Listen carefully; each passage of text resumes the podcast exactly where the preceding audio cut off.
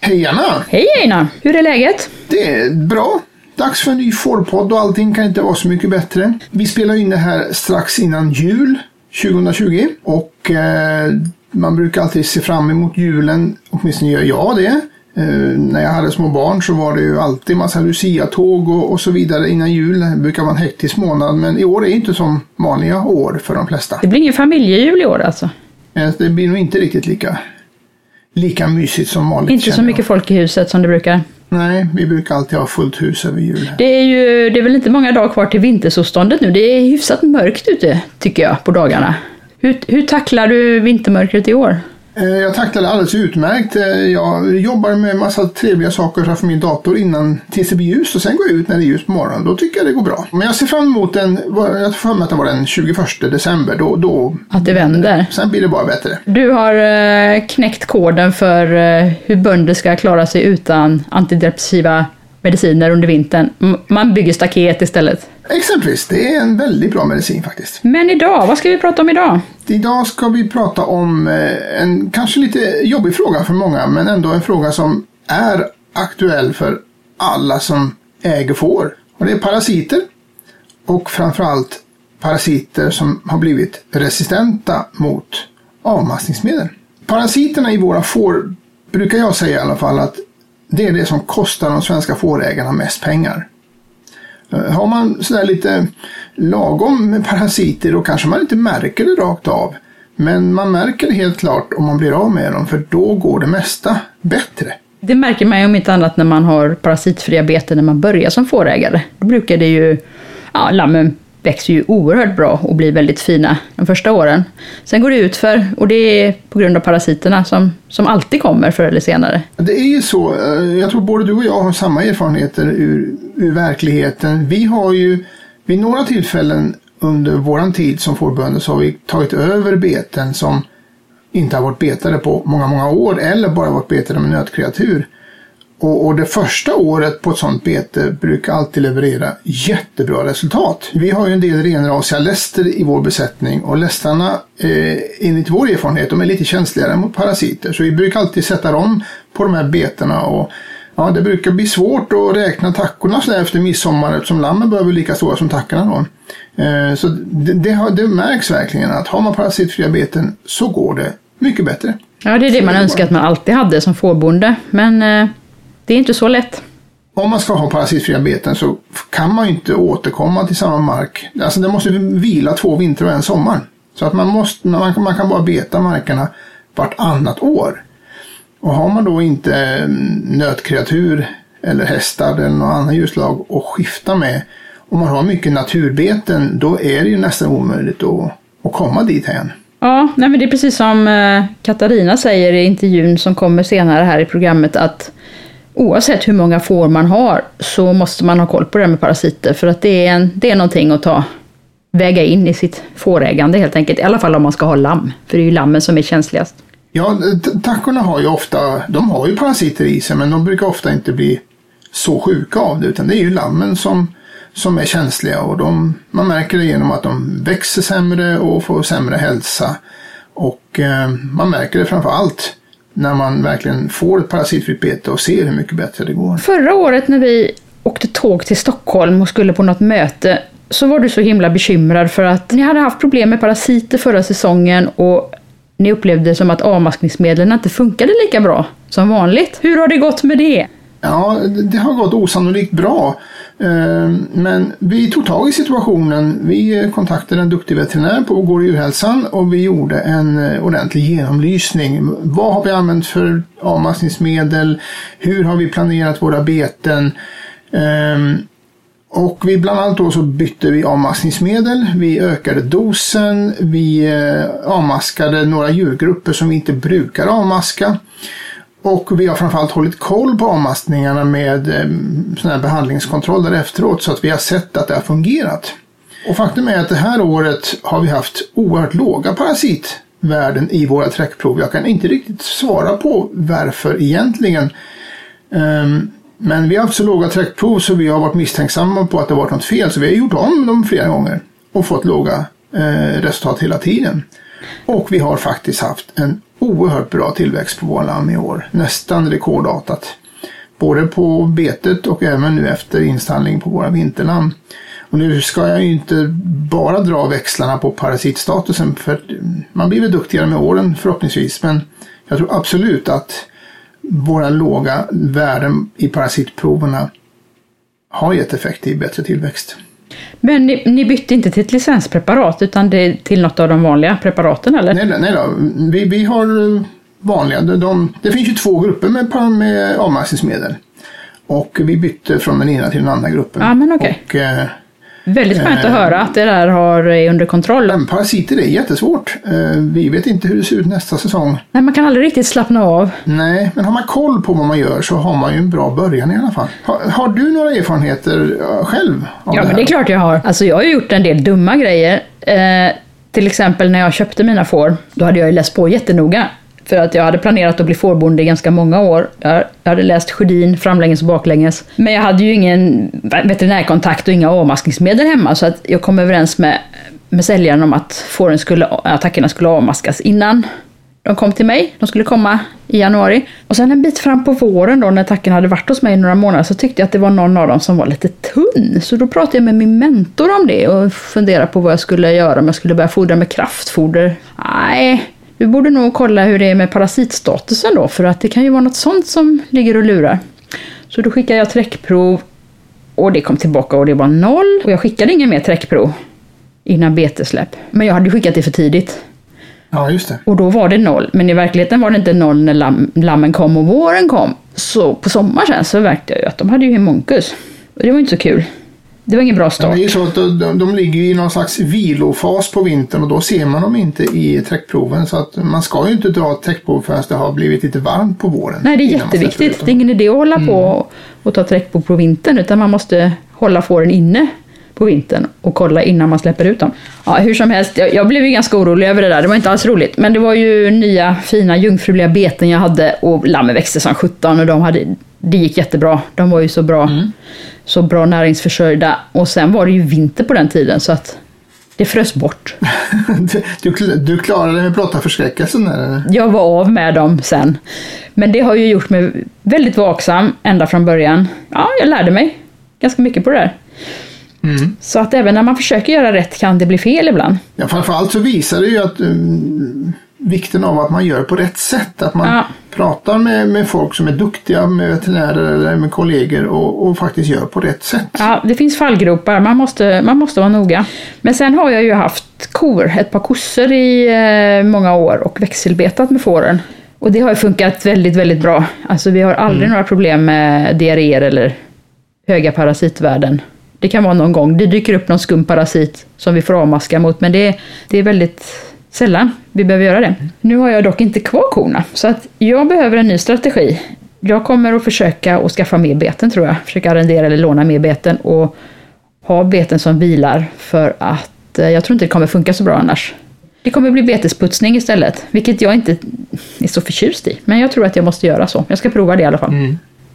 Det här är ju dilemmat som finns på många gårdar. Alltså många har ju skaffat får för att hålla betesmarken öppna.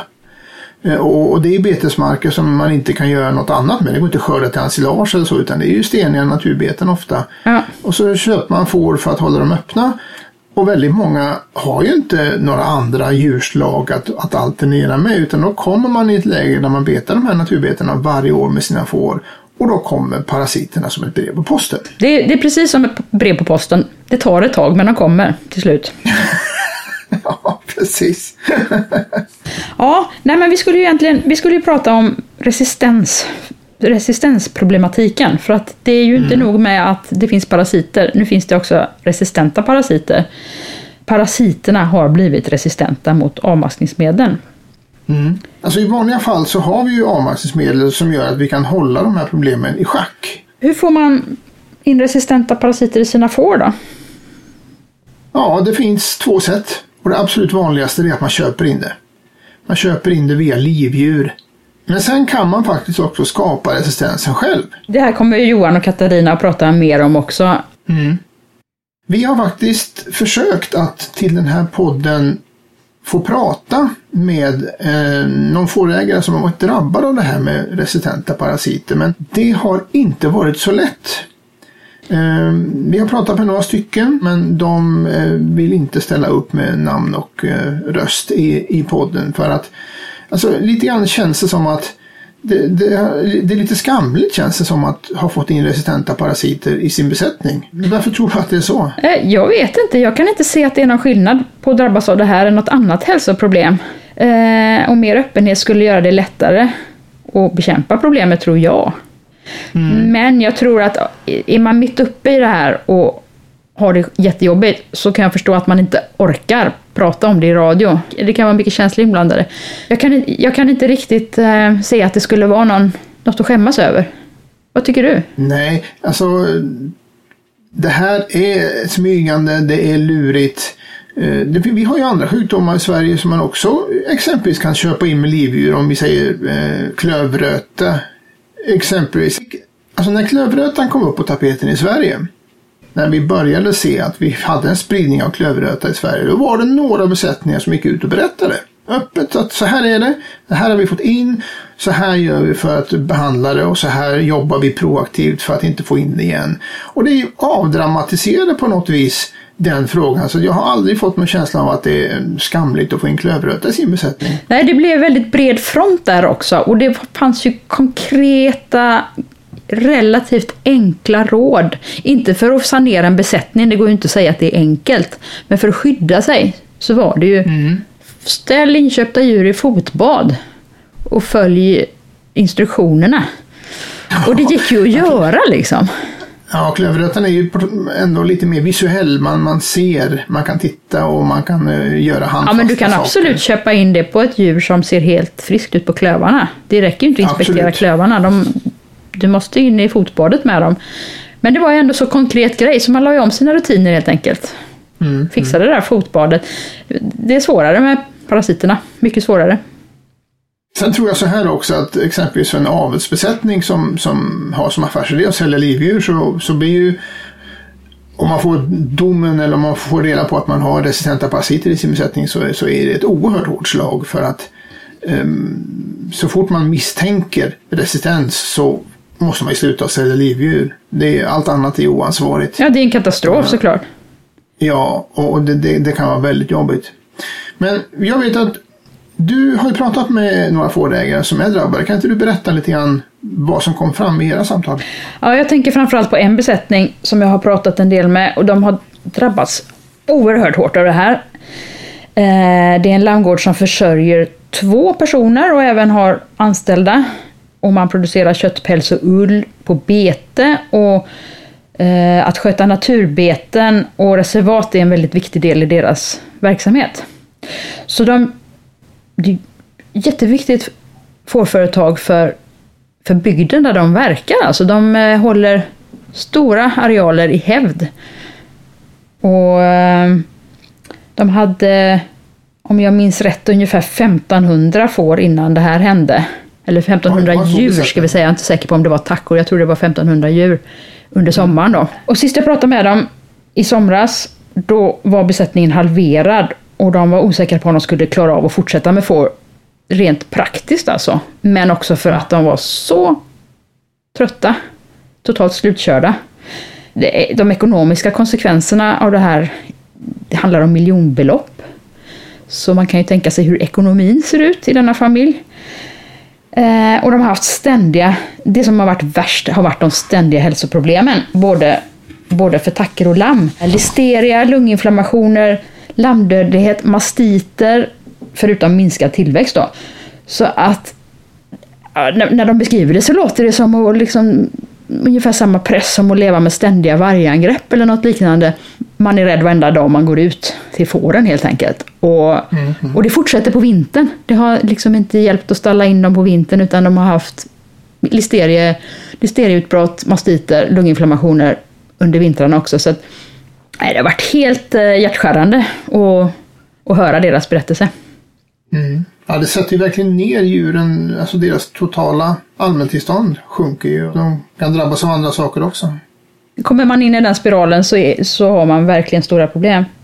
Och, och, en orsak också till att det har, eh, de har ju haft en bekämpningsstrategi och, och kontakt med gård och djurhälsan och verkligen försökt att komma till rätta med det här. Men en orsak till att det inte har gått bra då, det är ju att eh, det licenspreparatet som, som användes för förra året var det nog Solvix fungerade dåligt. Inom ett år så hade parasiterna utvecklat resistent mot det preparatet. Ja, det var ett helt nytt preparat som Gård och djurhälsan tog in för att testa och man hade väldigt höga förväntningar på att eh, det var bra, nu har vi något helt nytt. Men eh, det blev tyvärr inte så. Tyvärr. Jag har ju pratat med en annan djurägare som eh, har slaktat ur hela sin besättning. För de gjorde allt vad som gick och kom inte till rätta med problemet och till slut så såg de ingen annan väg än att slakta ut alla får. Så det, det kan verkligen gå riktigt illa. Mm. Men en annan sak jag tänker på att vi, vi får höra ibland att vi, alltså Fåravelsförbundet, Gård och djurhälsa, att vi pratar för mycket om parasiter och att vi riskerar att skrämma bort fårägare från beteslandsproduktion för att vi utmålar dem så, så himla komplicerat. Vad, vad, vad, säger du om det? Kan man prata för mycket om det? ja, man kan väl prata för mycket om allting. Det är inget roligt ämne, men vi kan ju inte sticka huvudet i sanden för hur ska det då gå för oss? Det, mm. det är ju som sagt, någon, parasiter är någonting som vi fårägare måste lära oss att hantera. Och ska vi dela med resistenta parasiter så blir det bra mycket värre. Så att eh, jag har väldigt svårt att se hur man ska kunna bedriva en framgångsrik betesproduktion överhuvudtaget om man har resistenta parasiter i fåren. En bonde som vill börja med får, då måste man ju ha vettiga förutsättningar. Man måste ta reda på vilka fallgropar som finns. Vi har ju ett antal bönder som har börjat med får och slutat efter några år för att det inte gick så bra som man hade tänkt sig. Och eh, att ha friska djur är en första grundförutsättning för att man ska kunna lyckas med får överhuvudtaget. Ja, det är, kvitt, mm. det är samma sak där. Det, det, spelar ingen roll hur många får man har. Är de inte friska så är det väldigt jobbigt. Nej, nej men alltså vi, vi, vi hoppas att vi inte skrämmer bort folk. Eh, att att eh, fåren håller våra landskap öppna och det är en av deras absolut viktigaste uppgifter. Eh, och de har skapar bara positiva värden med det. Men vi måste hantera de problemställningar som finns runt detta också så att det blir bra för alla. Ja, och det är ju precis som allt annat att om man håller tungan rätt i mun och gör det man ska så kan man ju skydda sig själv helt enkelt och sina får. Ja, det går ju att förebygga. Eh, läget i utlandet vet, vet du mycket mer än jag om. Ska vi säga något om det också?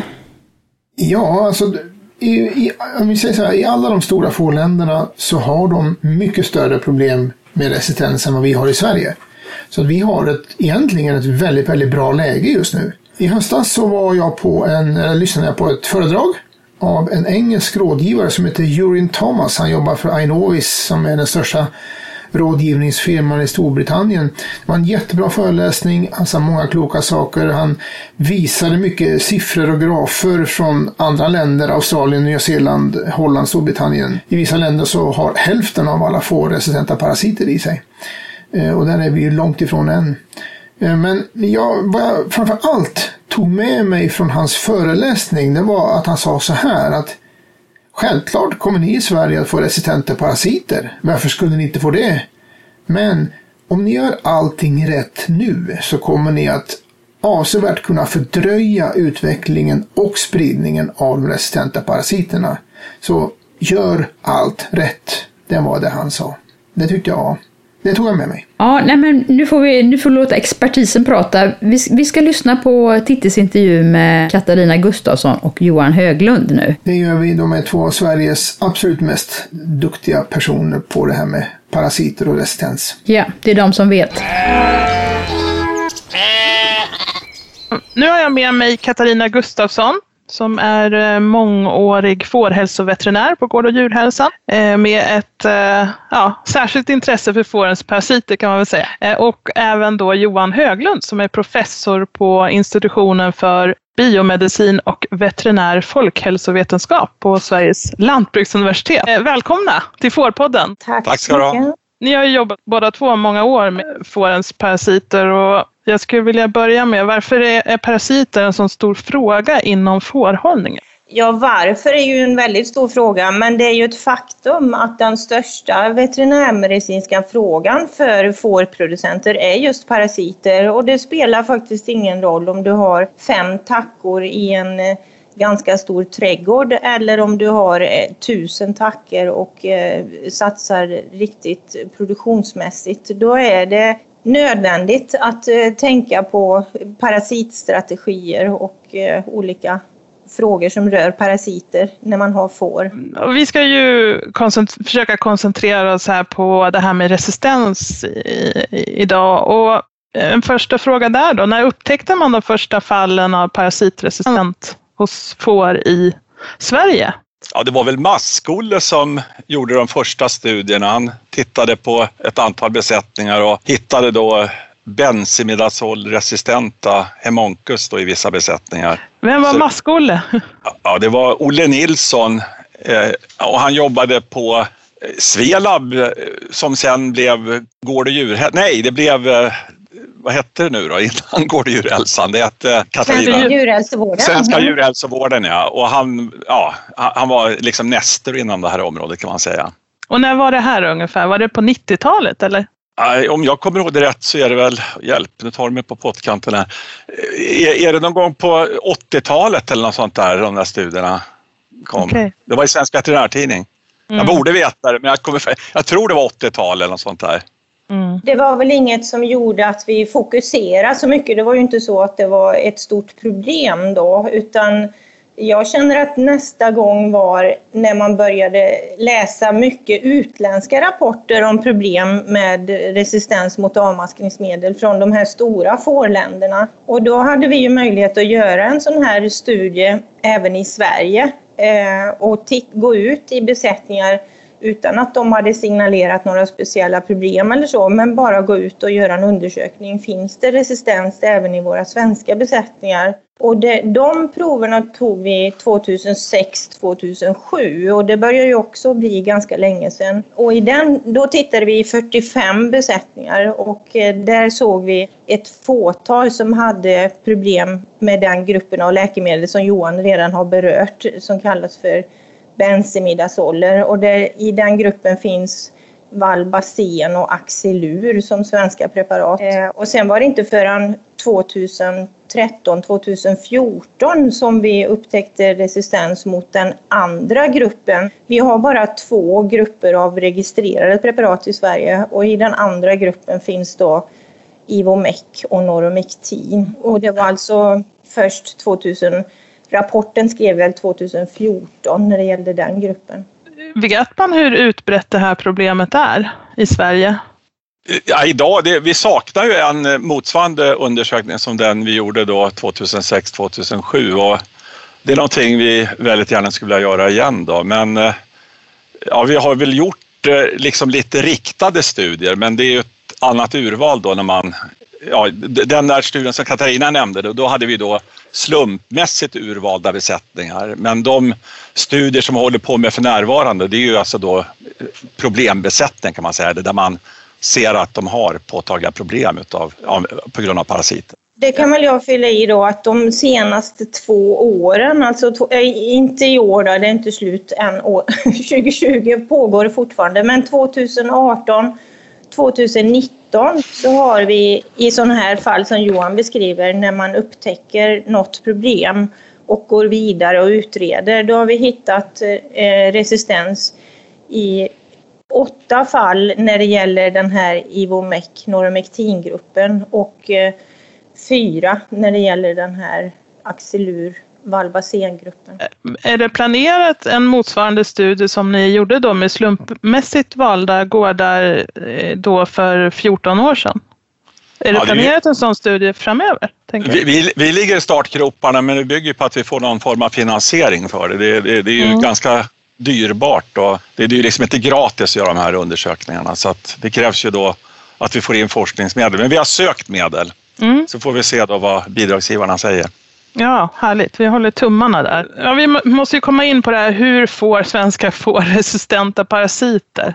Om jag börjar då så kan jag säga att det här eh, första fallet som jag beskrev från 2013-2014 när vi upptäckte eh, resistens mot även Ivomec noromectingrupp. Där fanns det en väldigt tydlig koppling till importerade djur. Det var en besättning som hade importerat djur. Och då bör man veta att eh, förekomsten av resistens i många andra större länder är ofantligt hög. Vi pratar om det här lilla 4 procent 2006-2007 i Sverige för den ena gruppen.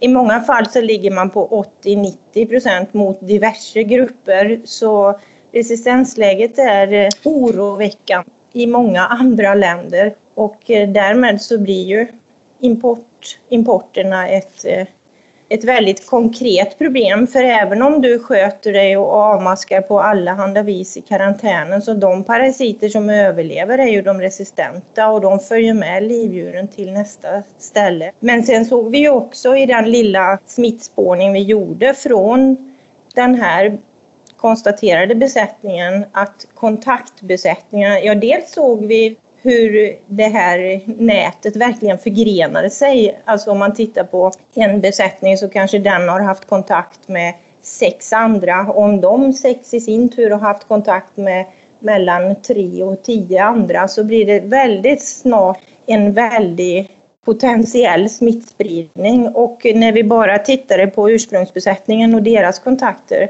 så såg vi ju resistensproblem även i de här kontaktbesättningarna. Ja, och, där faktiskt också vissa var då lokaliserade på fastlandet. Ja. Det, första fyndet av ivermectinresistens, det var ju då på Gotland. Men vi såg då att det även fanns enstaka besättningar då på fastlandet. Och det har vi också sett i uppföljande studier att det är ju ganska många faktiskt besättningar på fastlandet. Men igen då så ska jag säga det att, eller understryka då att det här är ju inte då slumpmässigt urvalda besättningar utan det är ju så att säga besättningar med problem. Just det, så just det här eh, importerade djur, där vi, ser vi den största risken, men också då eh, eller att ha kontakt med besättningar som har importerat djur och som säljer det vidare. Men jag, men jag tänker, borde, finns det inte besättningar i Sverige som har av, kanske avmaskat på ett felaktigt sätt som där man själv har skapat resistens? Har man sett några sådana case? Det är ju näst, nästan till omöjligt att besvara den frågan. Okay. Generellt liksom så säger man då att varje avmaskning selekterar ju då för resistens. Mm. Och eh, i litteraturen så ser man då att man bör kanske avmaska ja, mer än vad vi avmaskar i Sverige. Vi har ju en förhållandevis ganska restriktiv användning. Men eh, vi, vi har ju, ja, det, det, är som sagt omöjligt att besvara frågan vad, vad det mm. hela beror på. Ja, för det faller också tillbaks till den här förflyttningen av djur som jag var inne på. För det behöver ju inte ens vara så att du har kontakt med en besättning som har importerat djur utan den besättningen kanske i sin tur har haft kontakt med en besättning som i sin tur har haft kontakt med en annan besättning. Så det blir mm. väldigt fort otroligt svårt att, eh, att smittspåra, om man kan kalla det en smittspårning. Så. Hur märker man då att man har fått resistenta parasiter i sina får? Eh, ja, och det, det är lite olika Eh, man kan säga att det är två stora grupper och den ena gruppen där har man utbredda problem i sin besättning, alltså med eh, nedsatt produktion och till och med eh, svårt sjuka djur. De problemen finns kvar trots att man gör en parasitgenomgång och gör en parasitbekämpning vid behov. Och då, då brukar det ju landa i att man även tar ett prov efter avmaskning. Och då börjar det ofta så att man ser att här finns det parasiter kvar trots att man har avmaskat med ett bra preparat i rätt dos och på alla, enligt konstens alla regler. Så det är väl det ena sättet att fånga upp det. Och det andra är en, en väl fungerande besättning där man väljer att göra en rutinkontroll. För det, det, det uppmuntrar, det finns ju i vår rådgivning nu att om man har höga äggtal och i synnerhet om man har förekomst av stora magmasken så får man gärna ta ett kontrollprov efter avmaskning och se hur det har fungerat. Eller så kan det vara så att man har sålt djur som i karantän hos köparen går igenom de här kontrollerna och då kan vi ju inte fastställa resistens på enskilda livdjur för då behöver vi större grupper av djur. Men i de här livdjursförflyttningarna så kan misstanken dyka upp att det här ser inte bra ut. Den här, de, det här djuret eller de här djuren jag har köpt, där kan jag inte släcka äggutskiljningen med mitt avmaskningsmedel. Så det är väl de två vägarna som är de absolut vanligaste. Ja, så kan man ju säga det att eh, den här resistensundersökningen man gör, det är ju egentligen alltså en behandlings... Man kollar behandlingseffekten, så det är ju liksom ingen metod där man... Eh, vi tänker oss att resistensen, eller resistensen beror ju på en genetisk förändring hos de här parasiterna. Och det kan man ju då omöjligtvis kolla då med en sån här, när man tittar då på äggutskiljningen bara. Eh, och det har jobbats rätt mycket med att hitta alternativa metoder. Eh, och det, men de har ju alla sina för och nackdelar. Det är så att eh, det finns dels då så kallade in vitro-metoder där man helt enkelt då exponerar äggen för stigande koncentrationer av det läkemedel som man då är intresserad av att ta reda på om man har resistens eller inte.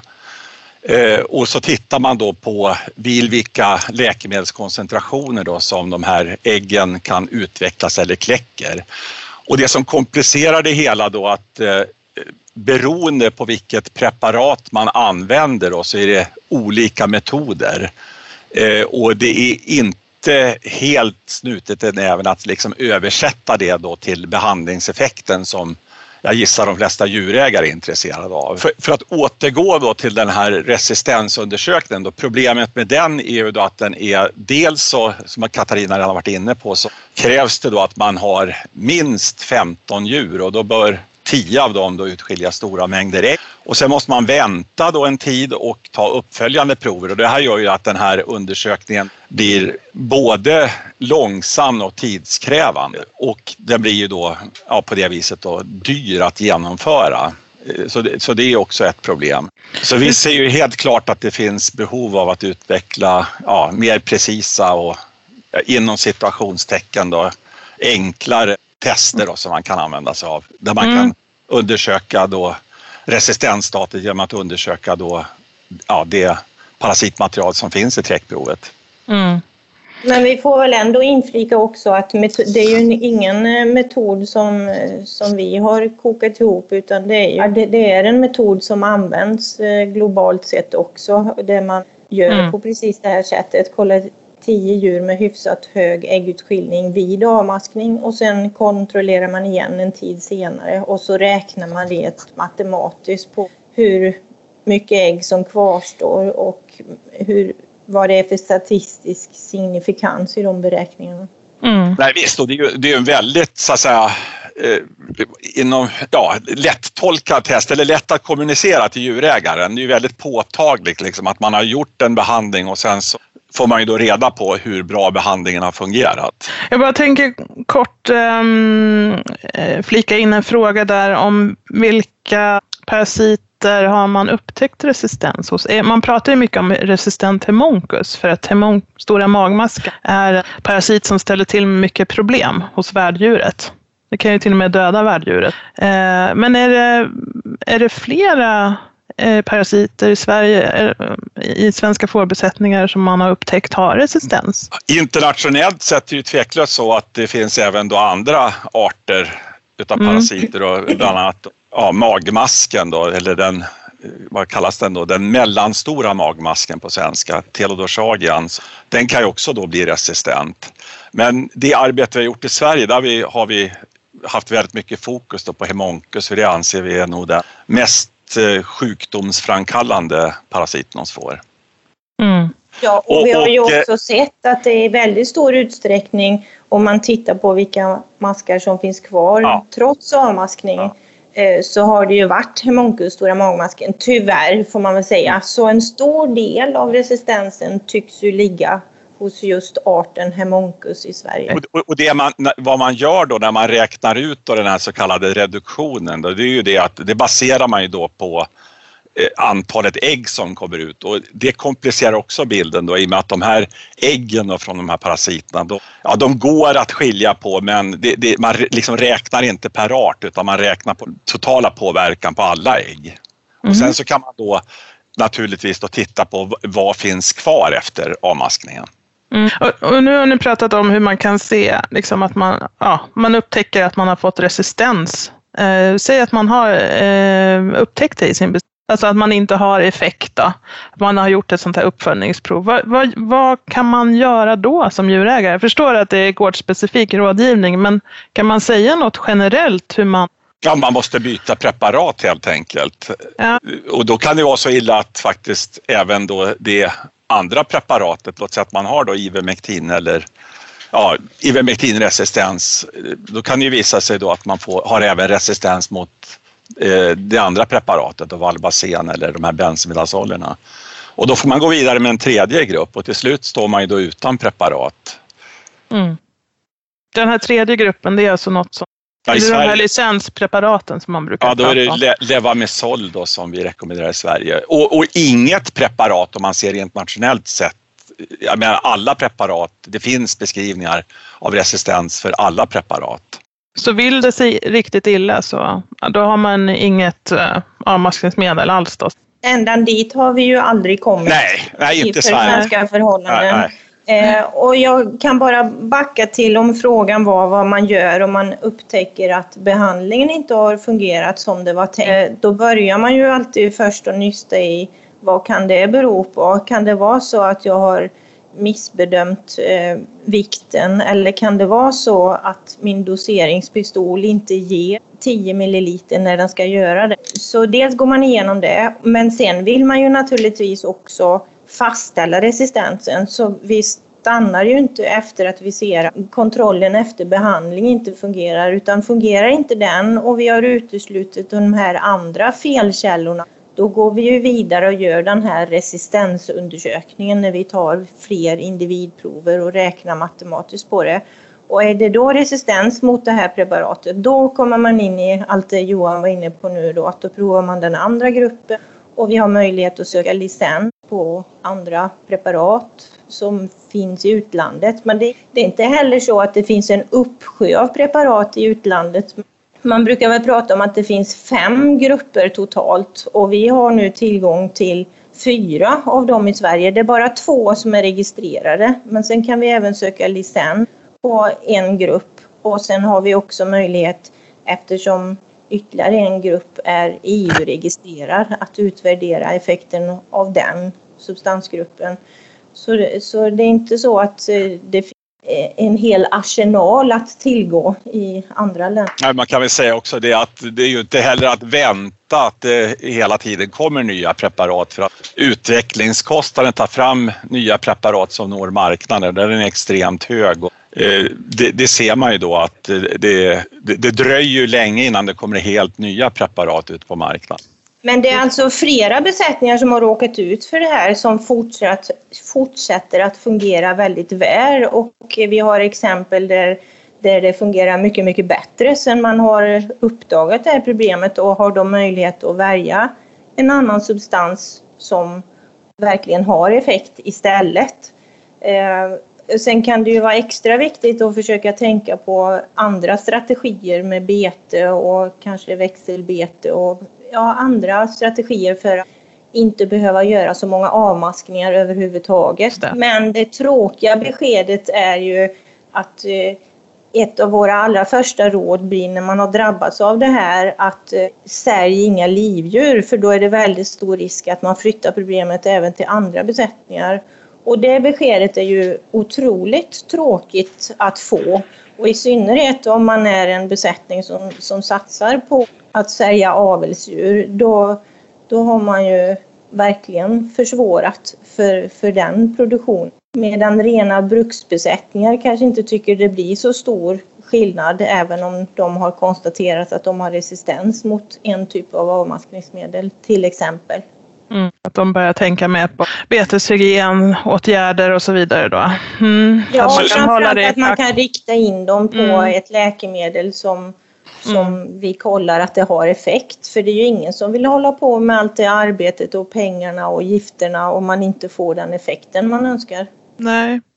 Så där, där kommer ju det här med träckprover in. Det är ju oerhört viktigt liksom att man kollar att det verkligen finns behov av att avmaska. Mm. Liksom grundorsaken då om vi frångår det här då att man kan importera problemet i sin besättning, det är ju helt enkelt den behandlingsfrekvens man har. Mm. Ju oftare man avmaskar, desto större är ju då risken att man selekterar för resistens.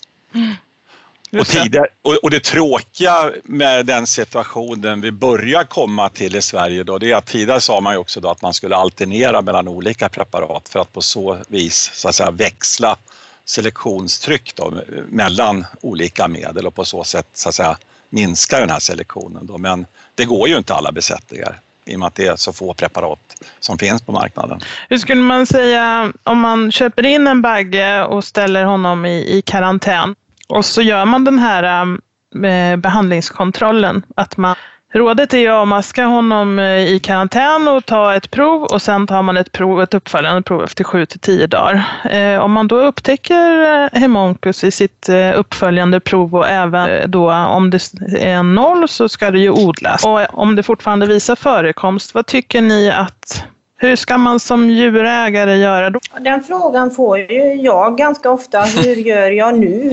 Ja, Man måste lite grann eh, se till sitt, i, i sin egen situation och eh, besluta sig för eh, sin egen, vilken risk man vill ta och så vidare. Men eh, som jag, se, som jag brukar säga, så ser du det här problemet i karantänen så har du alltid möjlighet att kontakta köparen och säga att så här blev det i karantänen.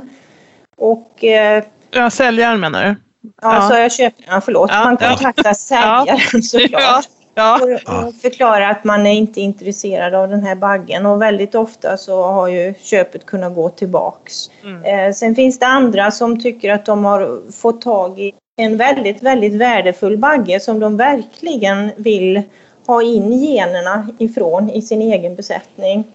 Eh, och då, då brukar jag säga att det finns ju ett alternativ. Ofta köps de in på hösten. Då kan man låta baggen betäcka på stall på hösten. Eh, och, och så länge baggen inte går på dina beten i, på din gård så har du ju inte riskerat så mycket med att låta honom betäcka på stall då. Men sen får man ju verkligen tänka vad händer till våren? Antingen så väljer man bort baggen eller så får man ju tänka sig ett bete väl skilt från de egna betena för att eh, minska den eller för att inte ta risken att det sprids via betet då till den egna besättningen. Men jag kan tycka att eh, väldigt ofta så är det ju just störst risk vid livdjursinköp och det är framförallt baggar man köper in. Så ett otroligt bra system är ju att låta baggarna betäcka på stall och sen ha ett, ett separat, en separat betesrutin för baggarna. För skulle du då få in ett problem i din besättning då har du det i alla fall bara i det. Men ha gärna tät kontakt eh, med din veterinär så att man inte begår några större misstag. Vi har till exempel sett om, om djuren går tillsammans på ströbädden ända fram till betesläpp. Då kan man ju naturligtvis via klövarna få med sig färskt träck där vi vet då att det kan vara tusentals ägg i varje gram träck. Och då kan ju de egna djuren trampa i, i baggarnas träck och så dra med sig det ut på betet. Och då är vi redan på rull med introduktion av smitta i den egna djurgruppen. Så det kräver en väldig eh, insats för att verkligen hålla de där grupperna separata. Så därav är det ju ingen dum idé med den här första kontakten med säljaren då, Titti. Att man diskuterar, är det här det livdjuret som, som jag vill ha in i min besättning? Mm. Och hur viktigt karantänsförfarandet är där. Eh, Och att det sker inne, innan man har fått svar på det andra provet. Då. Så att man vet att man inte släpper ut något. Ja, det är en stor fördel Gräs. att ha karantänen inomhus och det ska Mm. ju vara minst fyra veckor. Och så diskutera med veterinären innan du släpper ut djuren på beten även om du tycker allt verkar frid och fröjd. Jag tänkte jag skulle också hur man som fårägare kan förebygga och få resistenta parasiter i sina får. Det har vi ju pratat det har ju ni beskrivit bra här, det här med att inte avmaska i onödan, att ha kontroll på djur man köper in.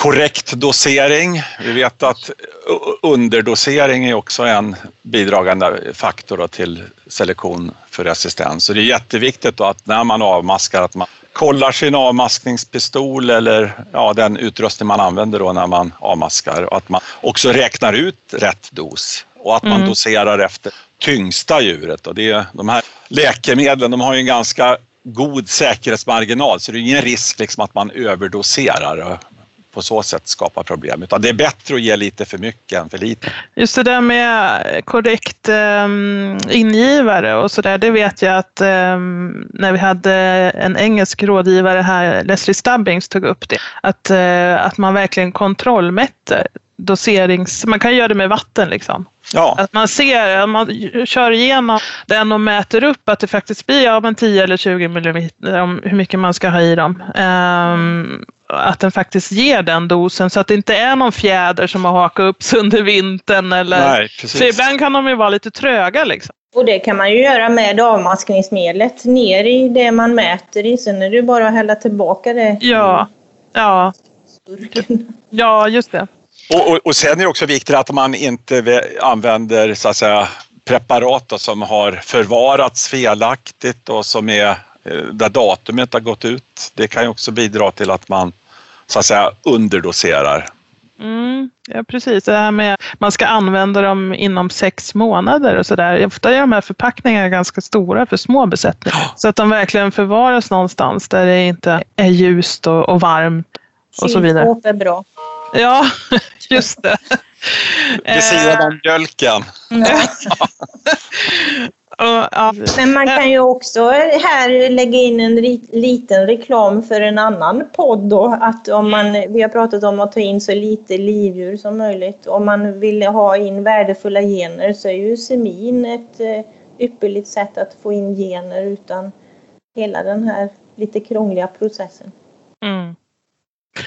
Ja, det är ju ett jättebra sätt att, få, att kunna få tillgång till intressant avelsmaterial utan risk för resistenta parasiter. Jag tänkte också, eh, du jobbar ju för Gård och djurhälsan Katarina och du har nämnt att ni kan göra resistensundersökning och så vidare. Men vilken hjälp erbjuder ni till djurägare som kanske misstänker att de har dålig effekt av sina avmaskningsmedel och vill få hjälp? Ringer de er? Ja, om det är våra kunder så gör de ju ofta det och även icke-kunder för att de undrar och så kanske de blir kunder. Ja. Men det är ju som jag varit inne på att i första läget så försöker vi hjälpa till med den här utredningen av misstänkta problem. Eh, men naturligtvis så vill vi fortsätta med rådgivning även vid konstaterade problem. Så det är ju det gårdsanpassade. Sen jobbar vi ju mer eh, för hela fårproduktionen genom att eh, försöka se till att vi får till exempel får tillgång till fler grupper av läkemedel och då får man jobba gentemot Läkemedelsverket för att få licensen. Man får ha kontakt med apoteken som ska importera det.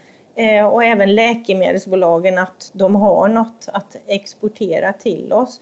Men inte minst också att vi har ett, en, en, i samarbete med framförallt Johan på SLU då, att vi även kontrollerar om vi nu tar in de här nya preparaten, hur verkar de fungera i, i våra system? Och vi jobbar ju också inom till exempel eh, den här rådgivningsgruppen som kallas för SAMPAR eh, där vi samarbetar kring parasitråd, där vi till exempel tar fram karantänsråd för att ha hållbara och eh, så bra strategier som möjligt. Och det är också då i samarbete med SLU i första hand, men även SVA och Växa. Mm. Jag vet att ni har tagit fram en nationell strategi för att motverka resistens eh, med konkreta råd. Och den håller vi på att uppdatera i dagsläget. Det händer ja. alltid lite med vilka preparat som finns och så vidare. Okay. Allting behöver mm. uppdateras mm. hela tiden. Mm. Eh, det här kan vi säkert länka till eh, så att poddlyssnarna kan se. Johan, då är vi ju intresserade av vad som händer. Du jobbar ju med det som också det som ska hur vi utvecklar det här. Diagnostiken till exempel. Och vad är på gång på forskningsfronten? Du nämnde en eh, studie och, se hur utbrett det är. Att ni har sökt pengar för det. Men det är säkert, du gör mer. Ja, då, vi jobbar ju här på SLU. Jag har en doktorand och en annan medarbetare och vi jobbar tillsammans för att försöka ta fram och validera sådana här molekylära markörer. Och för att kunna göra det då så måste vi då ha tillgång då till ett väl definierat material. Då. Det är så vi samarbetar med Gård och djurhälsan. Så att vi har då en biobank då utav prover där vi har samlat in då, eh, ja, så kallade larvkulturer före och efter avmaskningen från samma djurgrupp då, och eh, som är då behandlade då med olika typer av preparat och sen så testar vi då om eh, vissa av de här markörerna då som cirkulerar då i den internationella litteraturen om de är så att säga möjliga att ersätta då den här fecal egg contraduction testen eller resistensundersökningen som vi säger här i Sverige. Och mycket skulle ju vara vunnet då för att då skulle man ju då åtminstone då te teoretiskt sett kunna utgå från ett enda prov. Då. Man behöver inte så att säga återvända till besättningen utan man kan då genom att undersöka ett prov så skulle man då kunna se om den parasitpopulationen eller de parasiterna på den specifika gården som man är intresserad av bär då på de här generna. Eh, men problemet är då att eh, dels så är det då olika markörer för de olika arterna parasiter och som vi varit inne på så finns det ju då ja, åtminstone då tre grupper då som är av intresse. Det finns ju uppåt 20 olika arter hos får så att det, det liksom blir ju lätt många olika tester. Då. Men vi har fokuserat då på Hemoncus och eh, vi har i dagsläget då eh, validerat eller testat då dels en markör för bensimidazolresistens, Det är alltså då mot valbacen Och då är det en markör som vi tittar då på så kallade då allelfrekvenser. Man mäter då alltså hur stor andel eh, mutationer man har då i en molekyl då till vilken avmaskningsmedlet binder. Och där har vi faktiskt sett och där har vi kunnat jämföra också då dels i de här nyinsamlade proverna då som igen då inte är från ett slumpmässigt urvalgård. Men vi har kunnat jämföra det med de allelfrekvenserna vi såg då för tio år sedan i den här slumpurvalda eh, besättningarna och vi har sett att vi har ju sett en kraftig ökning faktiskt. Sen vad det har för praktisk betydelse. Det verkar trots allt som att även faktiskt eh, resistensen mot bensimidazoler har ökat vid sidan av ivermectin. Det tråkiga är då trots ett intensivt sökande då efter bra markörer för ivermectinresistens då, det finns många så kallade kandidatgener som vi har tittat på ett antal och eh, en kan vi definitivt avskriva då, som har beskrivits som en liksom, framtidens melodi. Då. Mm. Den tror vi inte på så den får vi dessvärre avskriva. Eh, och för närvarande så håller vi på och eh, validerar och undersöker en markör för levamisolresistens. Och där är det lite tidigt ännu att säga hur den fungerar då, men vi, vi jobbar ganska intensivt på det här då. Det är oerhört värdefullt att dels ha tillgång till de här larvkulturerna, men även då till eh, maskar då som vi kan plocka då vid slakt. Då. Men det tar tid att bygga upp en bra biobank. Dels tar det tid och sen så tar det också tid att etablera och validera de här metoderna. Alltså det är ju inte liksom runt hörnet som jag bedömer det. Nej, okay. Men om man ser att det kommer att bli så i framtiden, hur tar man som djurägare ett prov då? Är det via blod eller är det via? Nej, nej det, det, är, det är fortfarande då Träck. Eh, via träckprov. Mm. Ja, ja. Fördelen skulle då kunna vara att man då kan göra en bedömning utifrån ja, ett eller flera prov. Man behöver inte det här så att säga, återbesöket ute i gården. Nej. Man får ett snabbare svar. För då vet man parasiternas genetik. Liksom. Precis, men, ja. men sen har vi också parallellt jobbat med, det var vi också inne på tidigare här med vilka arter som överlever avmaskningen. Eh, och där har vi också tagit fram en test som vi använder och som vi har testat på, ja det är väl närmare hundra prover då som vi insamlar före och efter avmaskning med olika typer av avmaskning så kan vi då titta på om vi ser en förskjutning i eh, vilka arter som finns före och efter. Så det jobbar vi också på då. Så att man kan dels då jobba molekylärt med att ta reda på exakt vilka arter som finns eller åtminstone vilka huvudgrupper som finns och sen kan man också leta efter mer specifika markörer som är kopplade då till hur de här avmaskningsmedlen påverkar parasiter. Och liksom i förlängningen, är det att man kan rikta in behandlingen då på ett mer effektivt sätt? När man vet vad de Ja, vad man du- har och hur de svarar. Alltså, I den bästa av världar, men det är någon lång väg att gå, så skulle man kunna säga då redan på förhand att eh, innan man avmaskar att eh, i det här fallet är det nog olämpligt att välja avmaskningsmedel A utan Mm, kanske använda av avmaskningsmedel B istället. mm. Och en annan stor fördel med den typen av diagnostik är ju att man skulle kunna göra det på ett färre antal djur än vad vi... Nu, nu har vi ju problematiken med inköp av ett fåtal livdjur, att vi kan aldrig göra en resistensundersökning där. Men med de här metoderna så kan vi ju testa. Då kan vi se genetiken på de djuren som står i karantän på parasiter. Så, så det blir ju en väldigt lång Just det. Väg att gå då i karantänen. Låt säga att du hittar då ägg efter en utförd avmaskning. Det, det kan ju ha diverse orsaker. Det kan vara en dåligt utförd behandling. Då kan man ju tvingas gå tillbaks till hur blir det nu? Säljarbesättningen och göra en resistensundersökning. Och Mm. det har vi faktiskt ett exempel på nära i tid här där vi såg då att det var kvar ägg efter utförd avmaskning. Men när vi sen då gick tillbaks till ursprungsbesättningen och gjorde en sån här resistensundersökning så visade det sig att eh, det- var så att säga falskt alarm om man säger så. Intressant. Um, är det något mer som du vill, uh, vad ni gör på vad som kommer här framöver? Liksom? Jag tycker Med nog, forskningen? Mm. nog, nog som det är va, men eh, Mm. det, det, det som jag ser som mest angeläget det är än en gång att verkligen ta reda på hur situationen är idag. Eh, Det, det ser, som jag ser åtminstone, väldigt alarmerande ut, inte minst då för Ivermectin men faktiskt även för bensimidazolen eller valbacen. Men det kan ju helt enkelt bero då på det här skeva urvalet och att vi har så att säga, gått till problembesättningar. Vi vet inte liksom hur det är i stort. Jag har en fråga också om det här med, eh, som jag vet att en del andra länder jobbar på avsidan med att göra fåren mera resistenta mot parasiter. Alltså att ha högre motståndskraft. Är det någon väg man kan, skulle kunna jobba med i Sverige?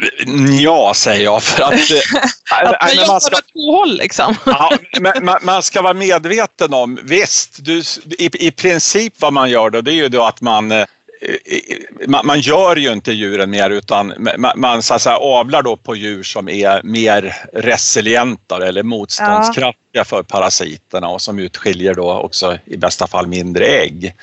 Men man ska vara medveten om att det här är är ett långt och mödosamt arbete. Och man har, jag vet man har jobbat då, inte för eh, att selektera för då får individ eller får korsningar då som är resistenta mot stora magmasker, men det är då mot den här tarmmasken då, en så kallad trichostrongylus-art. Jag försöker undvika att använda de orden men de, de bara slinker ur mig.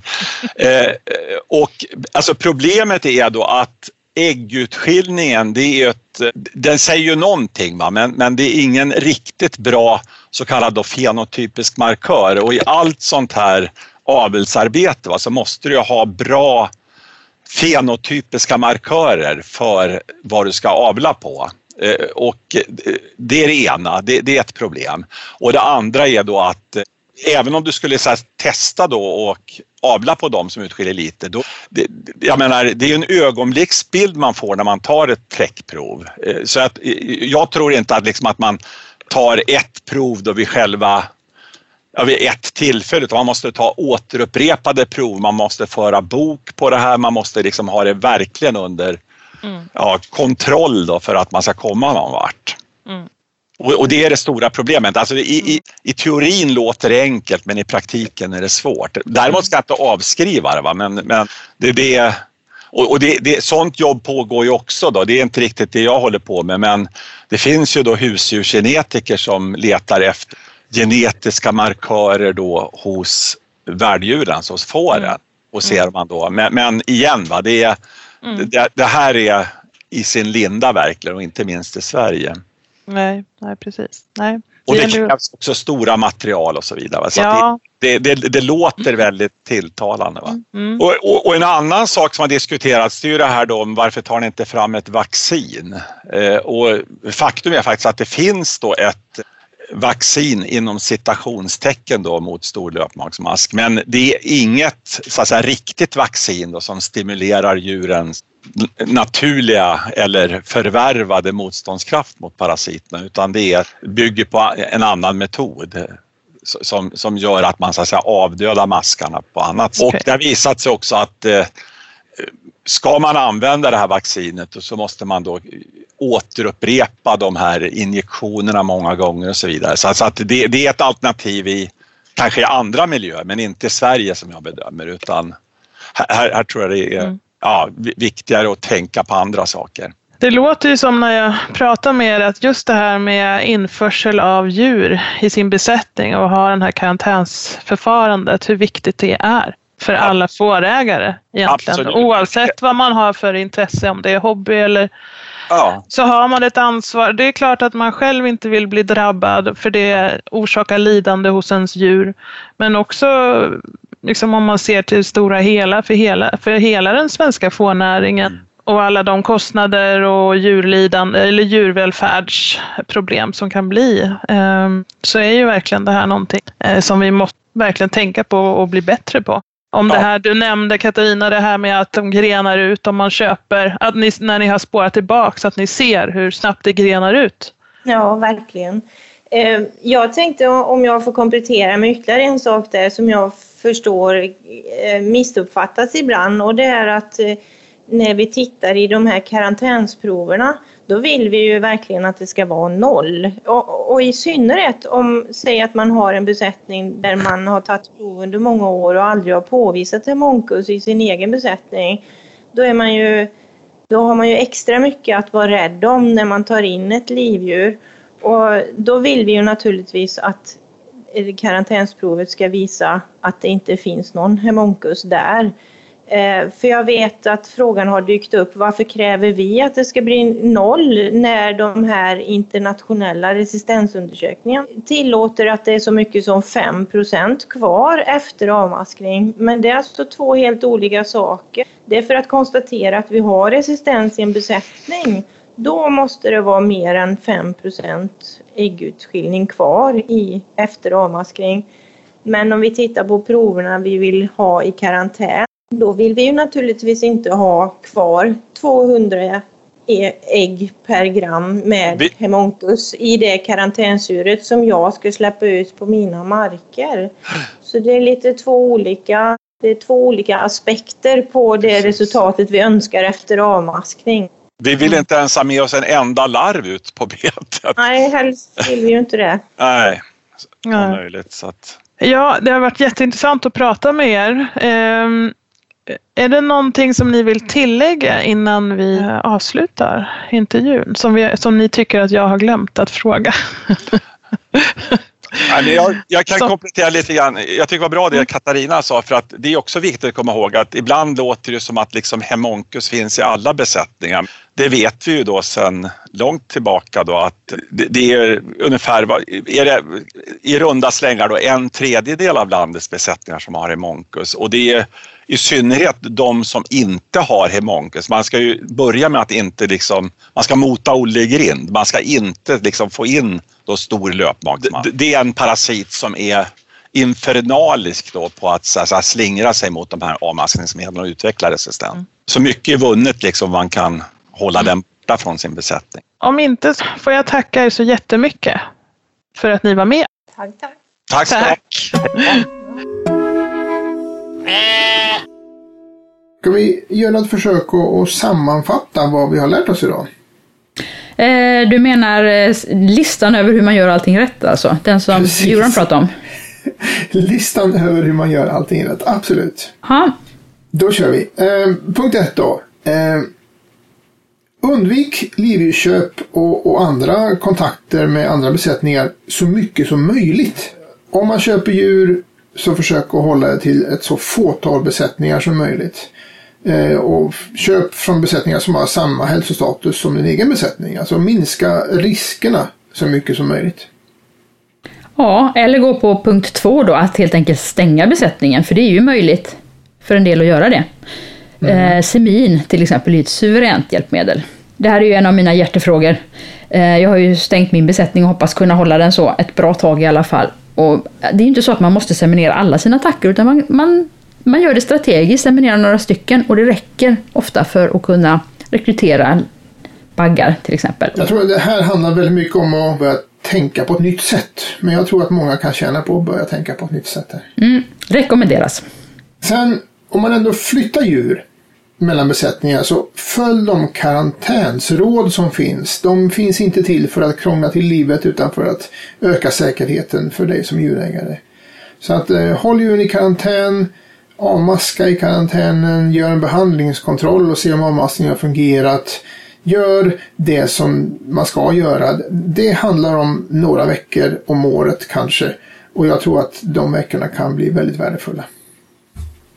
Ja, och även om man har fått baggen ur karantänen och allting ser precis perfekt ut och man känner sig trygg så ska man i alla fall inte släppa ut baggen på bete utan man betäcker på stall och håller honom inne under vintern och kontrollerar honom till våren. Inte för tidigt innan man släpper ut honom. Mm. Om man vill göra det riktigt bra så kan man ju se till att ha baggarna på ett eget bete hela sommaren så att baggarna inte någon gång går på samma bete som, som tackorna gör. Då ökar man säkerheten ytterligare. Precis. Det var ett bra tips vi fick. Och sen är det det här med att hålla koll vid ett träckprov och bara avmaska vid behov. Mm, precis, avmaska inte för mycket heller utan konstatera ett behov först och sen avmaska. Och eh, um, diskutera med din veterinär så att du gör på rätt sätt. Ja. Eh, ja, och sen när man avmaskar då, använd rätt teknik. Alltså använd en riktig ingivare. Eh, se till att preparatet är förvarat på rätt sätt och så noga. Eh, ja, rätt dosering och så vidare. Det finns en jättebra film från Vår och djurhälsa som visar hur man avmaskar får. Vi länkar till det på hemsidan där, vi, där den här podden finns. Ja, precis. Och självklart länkar vi till karantänsråden och andra sådana här relevanta grejer som mm, hör finns till massor ämnet. bra att läsa. Mm. Och sen äh, gäller det att förvara sitt avmaskningsmedel rätt, alltså att det inte får stå för kallt eller för varmt utan man sätter det med fördel i kylskåpet. Ja, avmaskningsmedel som har stått i fårhuset över vintern när det har varit minusgrader är förstört. Mm. Man ska inte användas för då har man ingen effekt kvar av det. Men sen har vi två punkter till här. Eh, det ena är faktiskt att eh, om man sköter sina djur bra och ser till att de är i bra kondition då är de också mer motståndskraftiga mot parasiter. Och det är rent generellt. Ja, och därför ska man lägga upp en betesstrategi som är anpassad för gården och de förutsättningar man själv har. Och det tänkte vi faktiskt prata med Titti Strömne om. Hon är jätteduktig.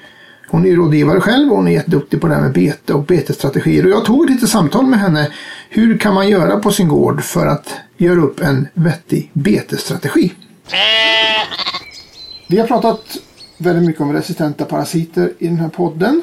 Eh, men som alltid så vill man ju veta hur ska jag göra för att göra det bästa av situationen? Så nu tänkte jag och Titti ta ett litet prat om det här med beteshygien.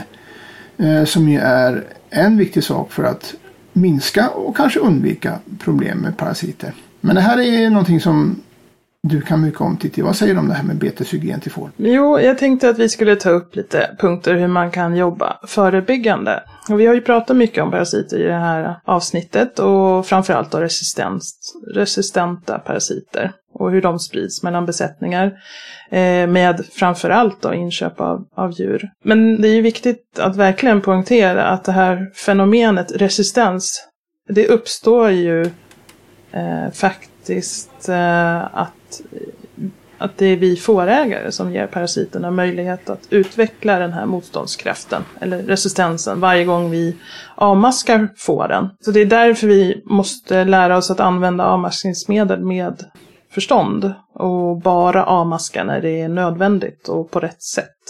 Och man brukar använda uttrycket att mm, strategisk avmaskning. Mm. Det finns ju en massa åtgärder eh, för att förebygga att fåren blir utsatta för för mycket parasiter. För att det finns ju inga parasitfria får, som jag ser att en, en del uttrycker att de kan erbjuda. De flesta parasiterna som fåren har är ju parasiter som sprids på betet. Och då funkar det ju så att eh, parasiterna i fåret, de förökar sig och det blir ägg och de kommer ut med träcken och landar på marken. Och de här äggen de mognar och så kläcks de till larver eh, som utvecklas i olika stadier under en viss period. Och då sen då ligger de här larverna och väntar på att få bli uppätna av eh, sitt värddjur, som i det här fallet är fåret. Och sen då för, föröka sig i djuret. Och så har man slutit eh, den här eh, cykeln. Just det. Så det man vill är ju dels att minska att djuren skiter ut för mycket parasitägg. Men sen vill man också minska att djuren blir exponerade för för mycket parasitsmitta på betet. Eh, och då är det framförallt eh, lamm eller ja, förstagångsbetare. Det kan ju vara äldre djur som kommer ut för första gången som är känsliga för för stor parasitexponering. Och då behöver de utsättas i lagom takt eh, för att deras immunförsvar ska utvecklas och kunna stå emot parasiter. Och det kan ta några månader på bete. Så äldre djur har alltså oftast en bättre immunitet mot parasiterna. Men ska vi testa att eh, punkta upp eh, vad kan man som fårägare själv göra då för att minska den här, de här problemen, alltså minska äggutskiljningen från, från de här djuren? En sån här viktig första åtgärd eh, när, man, när det är dags eh, för betessläpp, det är ju att eh, kolla av tackornas parasitbörda med hjälp av träckprov. Och det gör man ju för att minska risken att tackorna smittar ner betena. Och det här är bra om man inte gör för tidigt, utan kanske en till två veckor innan man har planerat betessläpp. Det varierar mellan åren beroende på årsmån.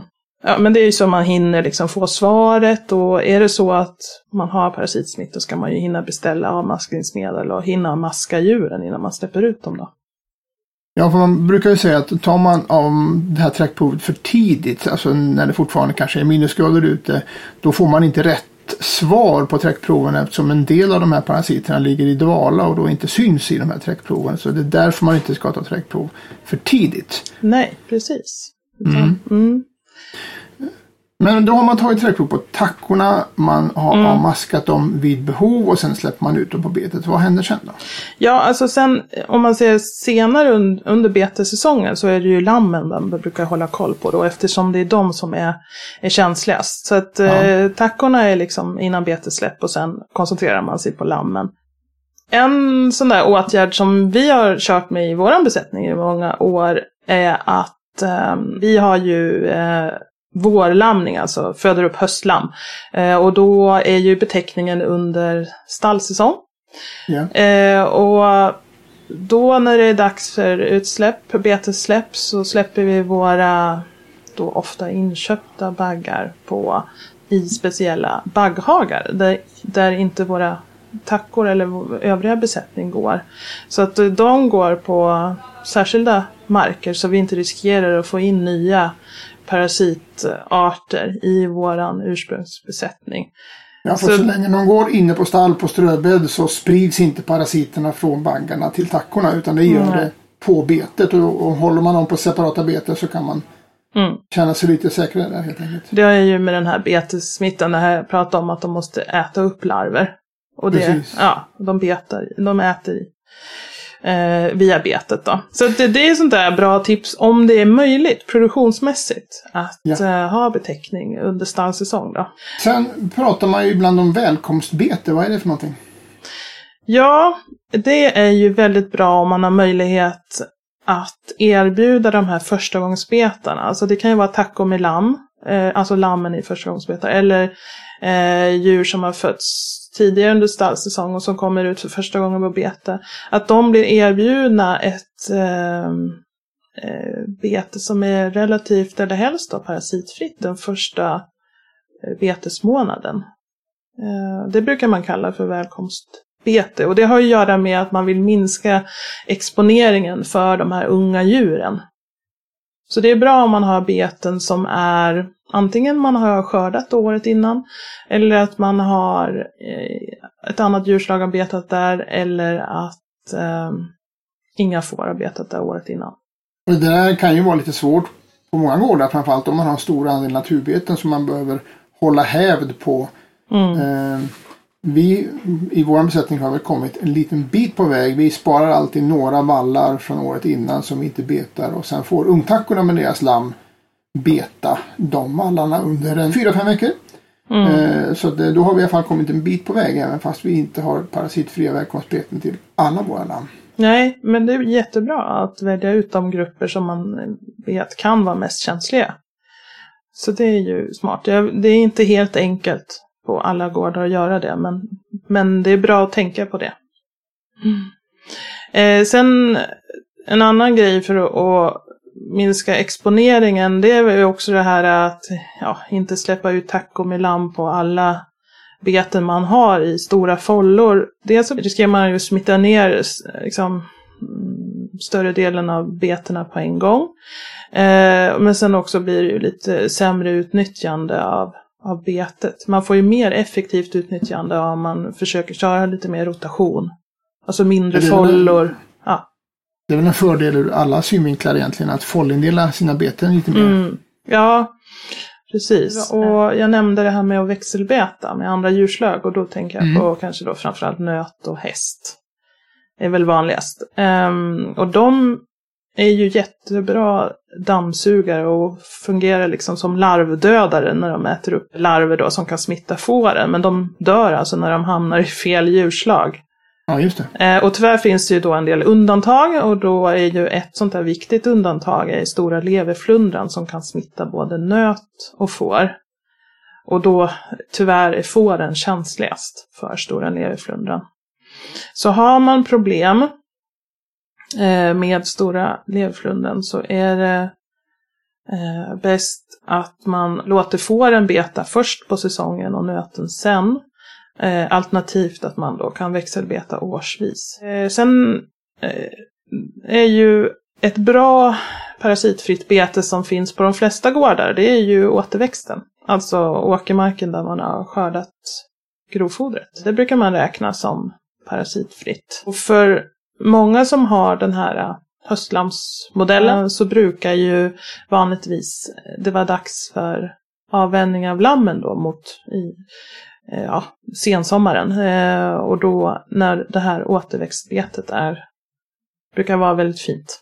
Så att man Ja, kan det, är be... någon, det är en realistisk möjlighet för de allra flesta egentligen. Det brukar vara lagom att eh, man vänjer av när Mm. återväxten är, är lagom att beta.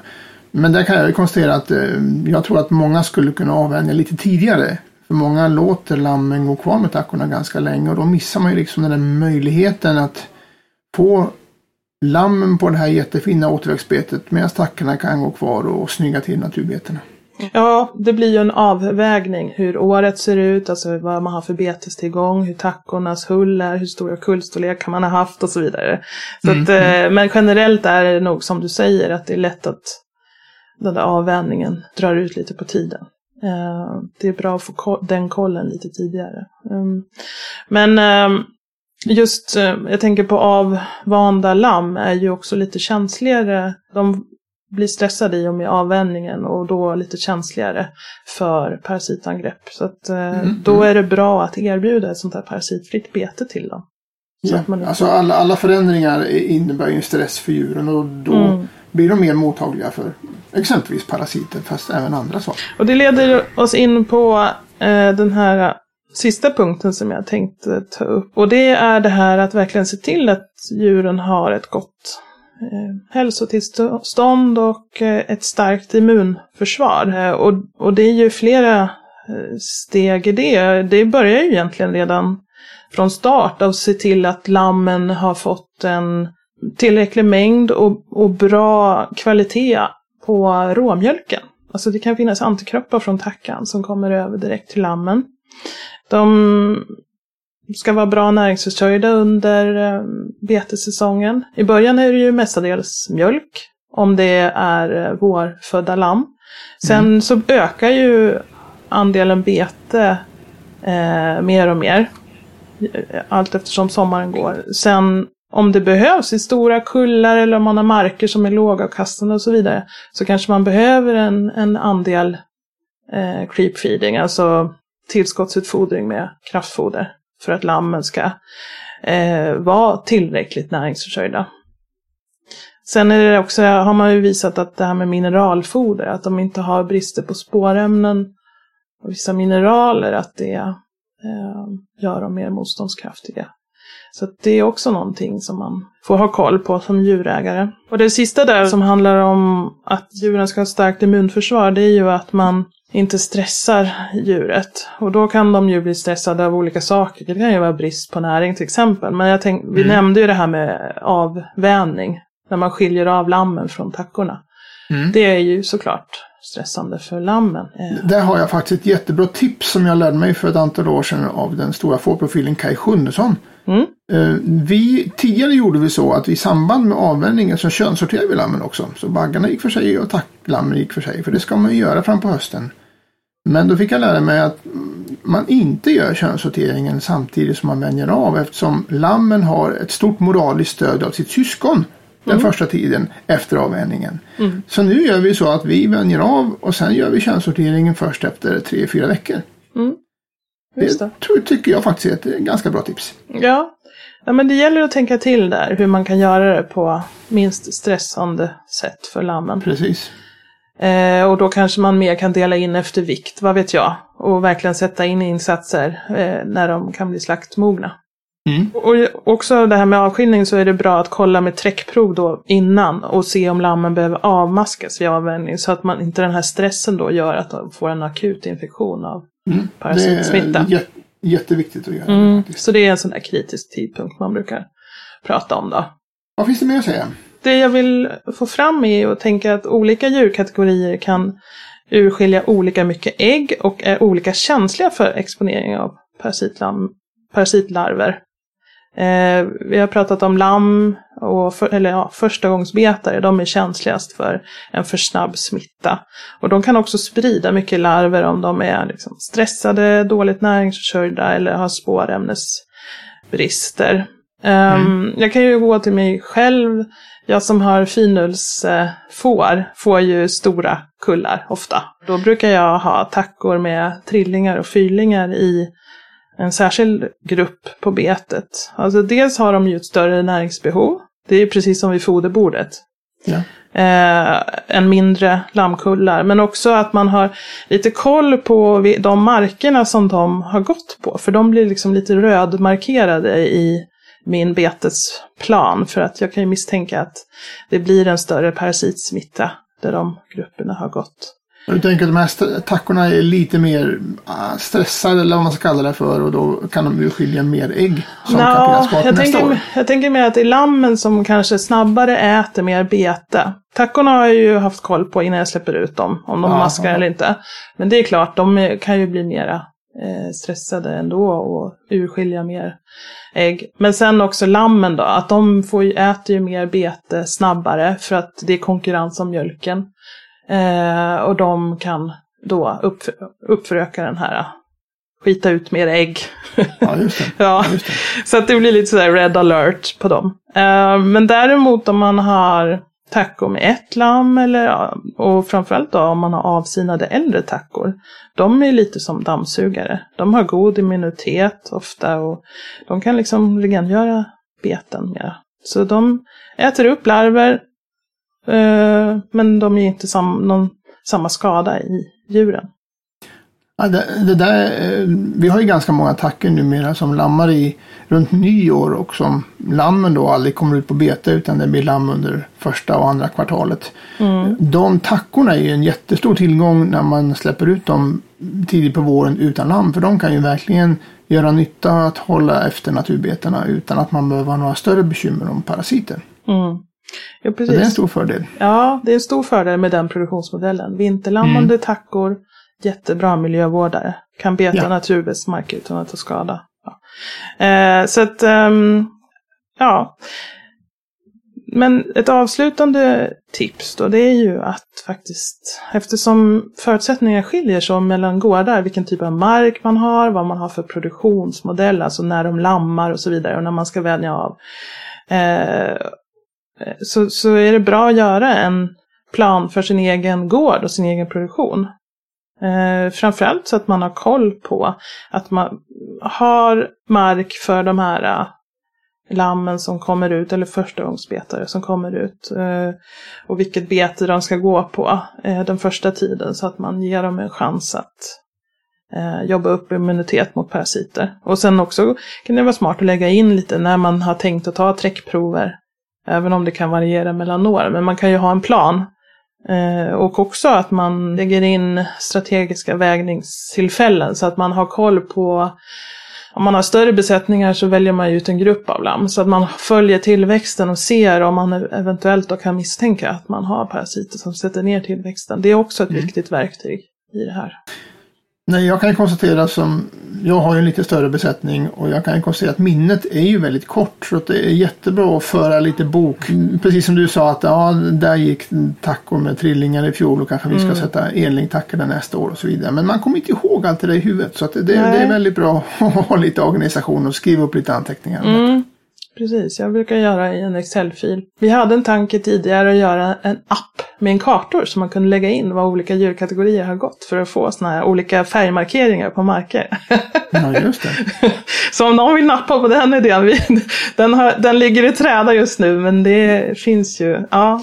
Ja, så det finns en massa att göra om man vill försöka att mota de här parasiterna i grind, eller vad säger man? Ja, det gör man. Men nu, eh, då säger vi att eh, det var mycket att tänka på. Alltså hela det här poddavsnittet är ju enormt informationstätt. Vi får hoppas att folk orkar lyssna. Mm. Eh, jag som är en van poddlyssnare kan konstatera att jag brukar lyssna om på en podd ibland. För att om jag tänker att det där var så mycket så jag mm. hann inte lagra allting i hårddisken. Så man, kan få, man kan få lyssna på den här podden två gånger. Ja, ja visst. Framåt vårkanten igen. Mm. Precis. Ja. Men du, ha det så bra. Tack så länge då. Ja, tack själv. Hej då. Einar, vi kanske får ta och försöka runda av den här podden nu. Den blev ganska lång. Ja, det, det, finns mycket att prata om. Det här är ett viktigt ämne tycker vi och eh, vi pratar om det för att det är någonting som är viktigt för många fårägare. Ja, fast det kanske finns gränser för hur länge man orkar lyssna på detta spännande ämne. Ja, Eller vad tror du? Absolut. Men det finns en liten sak till som vi faktiskt skulle vilja ta upp och det är om man nu får in resistenta parasiter, vems ansvar är det egentligen? Minnesgoda lyssnare kanske kommer ihåg att det kom in en motion till Fåravelsförbundets stämma 2019 som handlade om det här med ansvar vid försäljning av djur som bär på resistensproblematik. På grund av det så gjordes en mindre utredning och man har pratat med jurister och försäkringsbolag om eh, vad det finns för möjligheter att använda lagen i eh, sådana här situationer. Och vad man kom fram till är att det finns väldigt små möjligheter att använda lagen. Utan som, livdjur, som livdjursköpare så måste man själv ta ansvar. Att häva ett köp eller få ekonomisk ersättning är ingenting man kan räkna med att få. Och det finns inga försäkringslösningar som täcker en ekonomisk förlust om man skulle köpa in resistenta parasiter. Nej, ansvaret ligger till väldigt stor del på köparen och därför gäller det att man gör ett ordentligt jobb och ställer rätt frågor när man köper djur. Ja. Samtidigt så får man ju inte glömma att det finns fler saker än resistenta parasiter att se upp för. Så köp livdjur med hälsodeklaration som har F-status eller åtminstone djurägarförsäkran och som är MV-fria och be att få se aktuella träckprovsresultat. Och är man det minsta tveksam så är det bättre att äh, avstå. Mm. Eh, vi länkar också till en artikel om detta som vi har haft på hemsidan tidigare. Den länkar vi till också under podden på hemsidan. Ja. Ska vi ta och eh, runda av året också? År 2020 är snart slut. Det blev inte ett vanligt år. Men eh, vi fårägare har ju ändå klarat oss ganska bra igen det här året. Och eh, nu hoppas vi på ett... Vågar man hoppas på ett något bättre år nästa år? Vad tror du? Ja, det kan ju bara bli bättre, eller hur? Det känns ju också som att det är lite positiva stämningar generellt i lammnäringen. Det, priserna har varit väldigt bra hela 2020. Ja, vi har jätte, jättebra lammpriser just nu och det, det hjälper ju till att höja stämningen i branschen. Och vi har en väldigt bra tillströmning på nya besättningar i elitlamm. Det har vi märkt hela hösten. Jajamän. Så att vi tror att det håller på att vända och att det, att det kommer att gå uppåt där nu. Det känns som många kurvor i lammnäringen pekar uppåt just nu och det känns väldigt roligt. Ja, och då vill vi passa på också att göra en podd om det här. Så att nästa Ja, podd kommer handla om lönsamma lamm. Men jag tror att vi säger eh, önskar alla lyssnare en, en god jul och jag önskar dig Anna en god jul. Ja, tack alla som har varit med oss i år. Och vi hörs igen nästa år. Ja. Alla får ha en eh, härlig coronasäker jul och ett gott nytt år. Ta hand om er allihop. Hej! Hej med dig!